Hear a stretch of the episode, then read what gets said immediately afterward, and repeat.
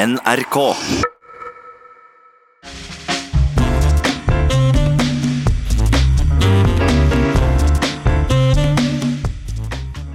Begrepet husmor er knapt i bruk på norsk lenger. Det kjønnsnøytrale heimeværende er vel det som ligger nærest. Svært få, om noen, kvinner omtaler seg sjøl som husmor i dag, og ingen br br bruker begrepet offentlig. Men i vår nære historie, i etterkrigstida og gjennom 50- og 60-tallet, hadde husmora ei viktig rolle. Et interessant og noe spesielt døme på dette er historia om den norske husmorsfilmen. Eh, så for mellom 53 og 1972 ble de laga i alt 29 filmer der husmora spiller hovedrolla. Og professor i filmvitenskap ved NTNU, Anne Marit Myrstad, du er med oss fra studio i Trondheim. Velkommen. Ja, takk.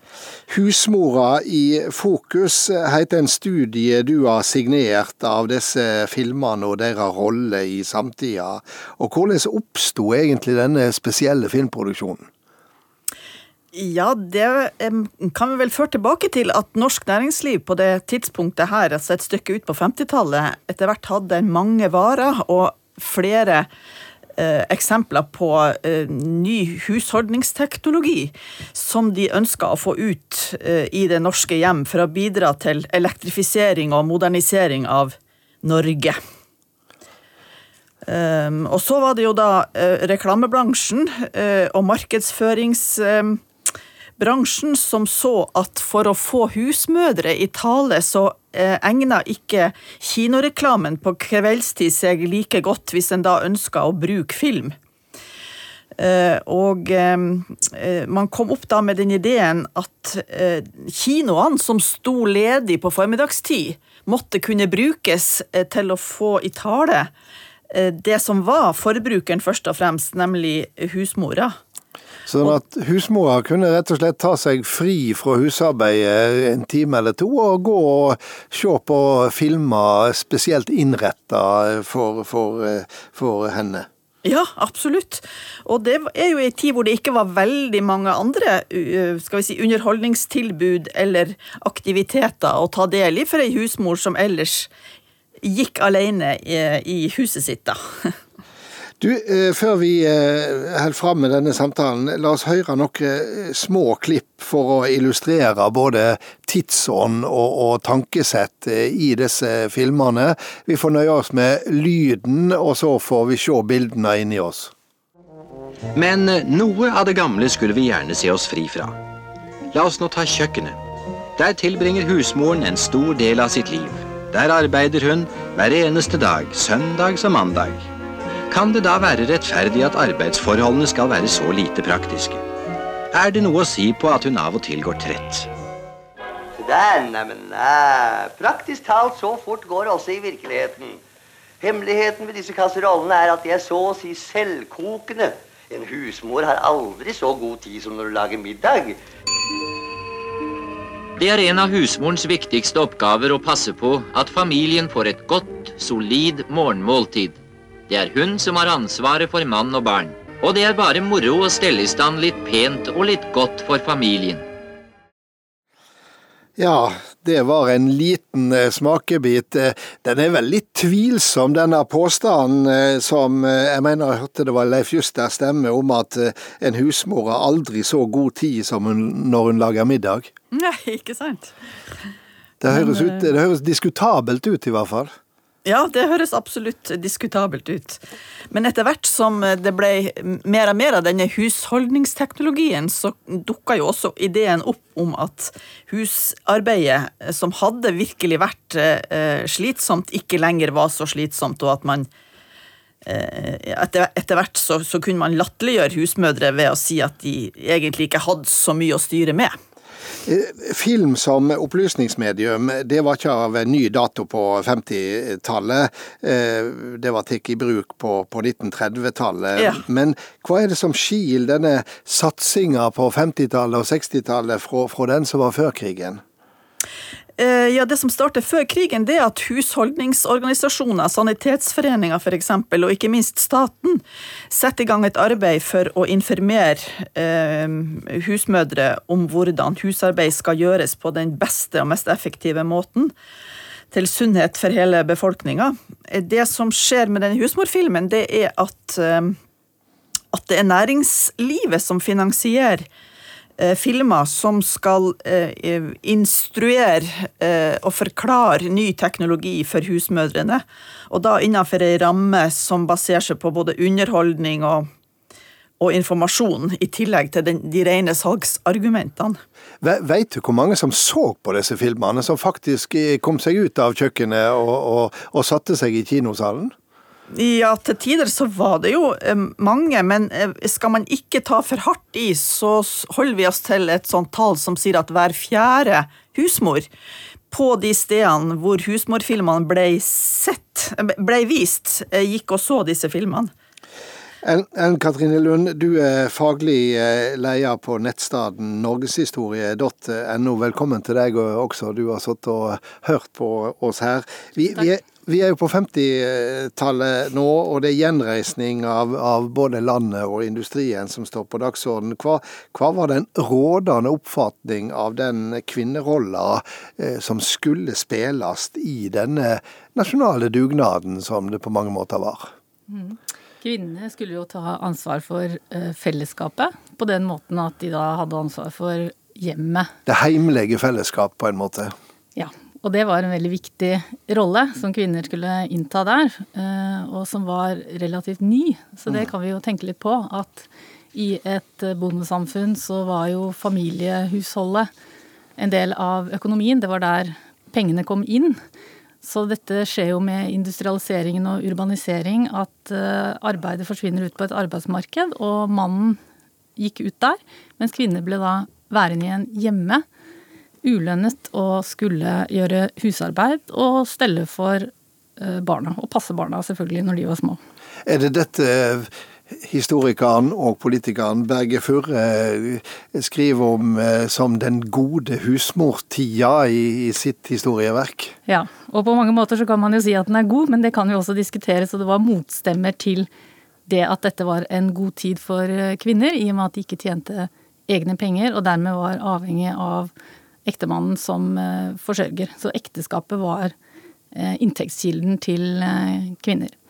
Og de, Altså, på den tiden så var det en husmorideologi som tilsa at dette var det beste samfunnet, dette var den beste måten å innrette samfunnet på i etterkrigstiden. Men Var dette en ideologi som tilhørte ei venstre- eller høyreside, eller var det en, en ideologi som gjennomsyra hele samfunnet? Det var rett og slett sånn det skulle være og burde være? Det var sånn det skulle være og burde være, både fra et borgerlig sted, ståsted og eh, fra et arbeiderklasseståsted.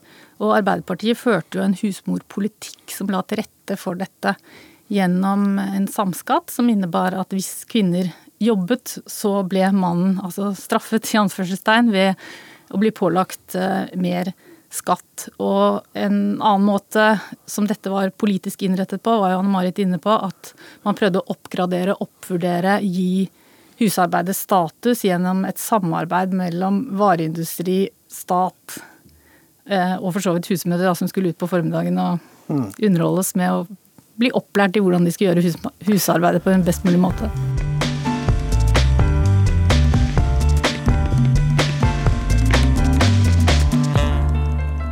Ja, Vi snakker om fenomenet husmorfilmer, og også ei husmorrolle, kvinnerolle, eh, på 50- og 60-tallet. Og For å gå tilbake til dette med husmorfilmene og hvordan de ble laga, Anne Marit Myrstad.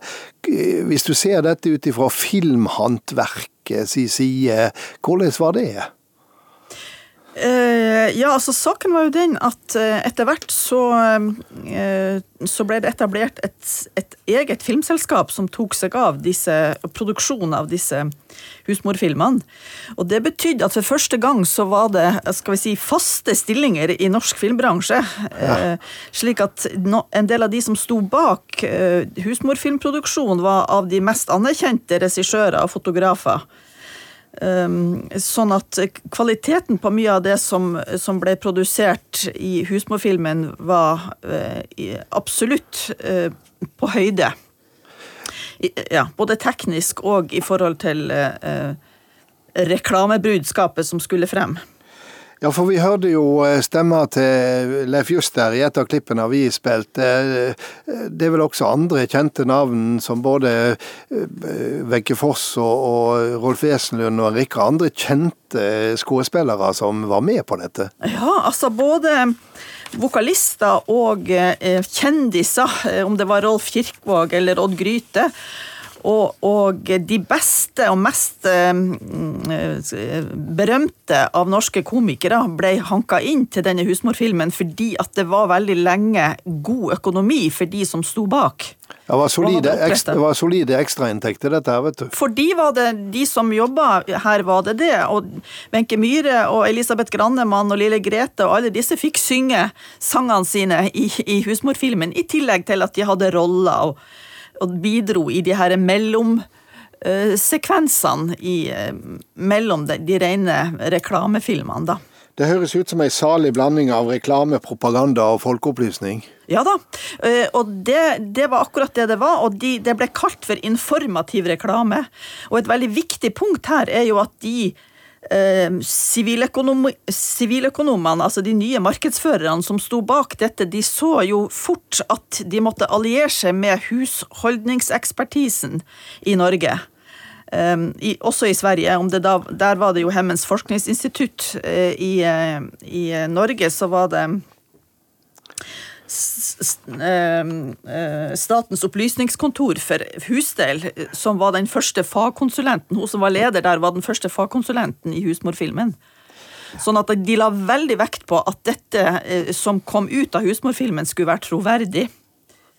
Og da, og da eh, Katrine Lund, ser en jo også at her er det ideologi med i bildet. Dette er et syn på et samfunn, det er et syn på ei kvinnerolle. Ja, absolutt. Eh, husarbeidet var jo en samfunnssak, som Anne Marit Myrstad har vært inne på. Det var en sammenblanding av stat og eh, vareindustri, og dette var slett ikke noe særnorsk fenomen. Dette var utbredt i USA og Storbritannia og hele Europa. Så var det jo eh, en husmorideologi som var rådende. Og det som også vi skal merke oss, er at eh, det ble gjort forsøk på å profesjonalisere husmorrollen gjennom opplysning, kunnskap og gjennom alle disse nye hjelpemidlene, de nye varene, da, som skulle lette husarbeidet, men også gjøre husarbeidet mer praktisk, fornuftig og rasjonelt. I tråd med hvordan industriarbeideren jobbet på sin uh, fabrikk. Så det ble lagt noen moralske standarder for uh, hva som var godt husarbeid. Og hva som var økonomisk fornuftig husarbeid. Og det var viktig å spare tid, som ble nevnt her tidligere, og spare penger. Og det som er litt artig, er jo å tenke på hva i all verden skulle de bruke den frigjorte tiden til? Ja, og da nærmer seg vel kanskje 60-tallet, for da er det jo eh, at velstanden øker. Og, og det er ikke bare nytte det er tale om. Eh, mote og fritid er ord som kommer inn i hverdagsspråket. Og hva for taktskifte er det da vi er vitne til? Ja, det skrider jo litt sakte frem. Og det som er det paradoksale her, er jo at når husmødre kjøpte disse varene, så eh, Eller ønsket om å kjøpe dem krevde jo penger, inntekt. Så for å få penger til å kjøpe varene, så hadde de jo lyst til å komme seg ut på arbeidsmarkedet. Parallelt med det så innså Arbeiderpartiet at eh, de trengte arbeidskraft. Det hadde de for så vidt innsett allerede tidlig etter krigen, men de kom ikke da på å ta i bruk kvinner, eller det vil si det at kvinner da ble husmødre, ble jo løsning på et problem. Senere har vi jo løst det med barnehager og dagmammaer osv., men på det tidspunktet var det ikke aktuelt.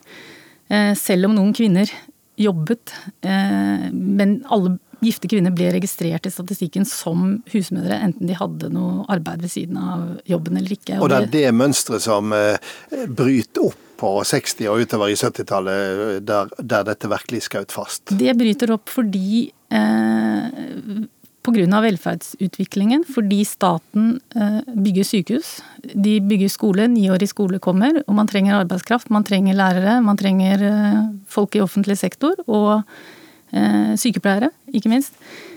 Og da inviterer de kvinner ut på arbeidsmarkedet. Og samtidig skjer det jo også andre ting. Det er jo en utdanningseksplosjon. Flere og flere kvinner inn i høyskoler og universitet som gjør at de får rett og slett lyst til å jobbe. Samtidig som de trenger inntekt til å kjøpe all alle de fine tingene som kommer. Vi kan jo ikke slippe husmorfilmene helt, husmorfilmene helt, eh, Anne Marit Myrstad. Hvordan reflekterer denne nye tida eh, filmene som, som, kom da mot slutten av 60-tallet og begynnelsen på 70-tallet?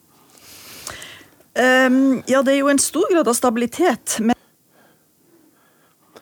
der tror jeg vi eh, mista eh, Anne Marit eh, Myrstad.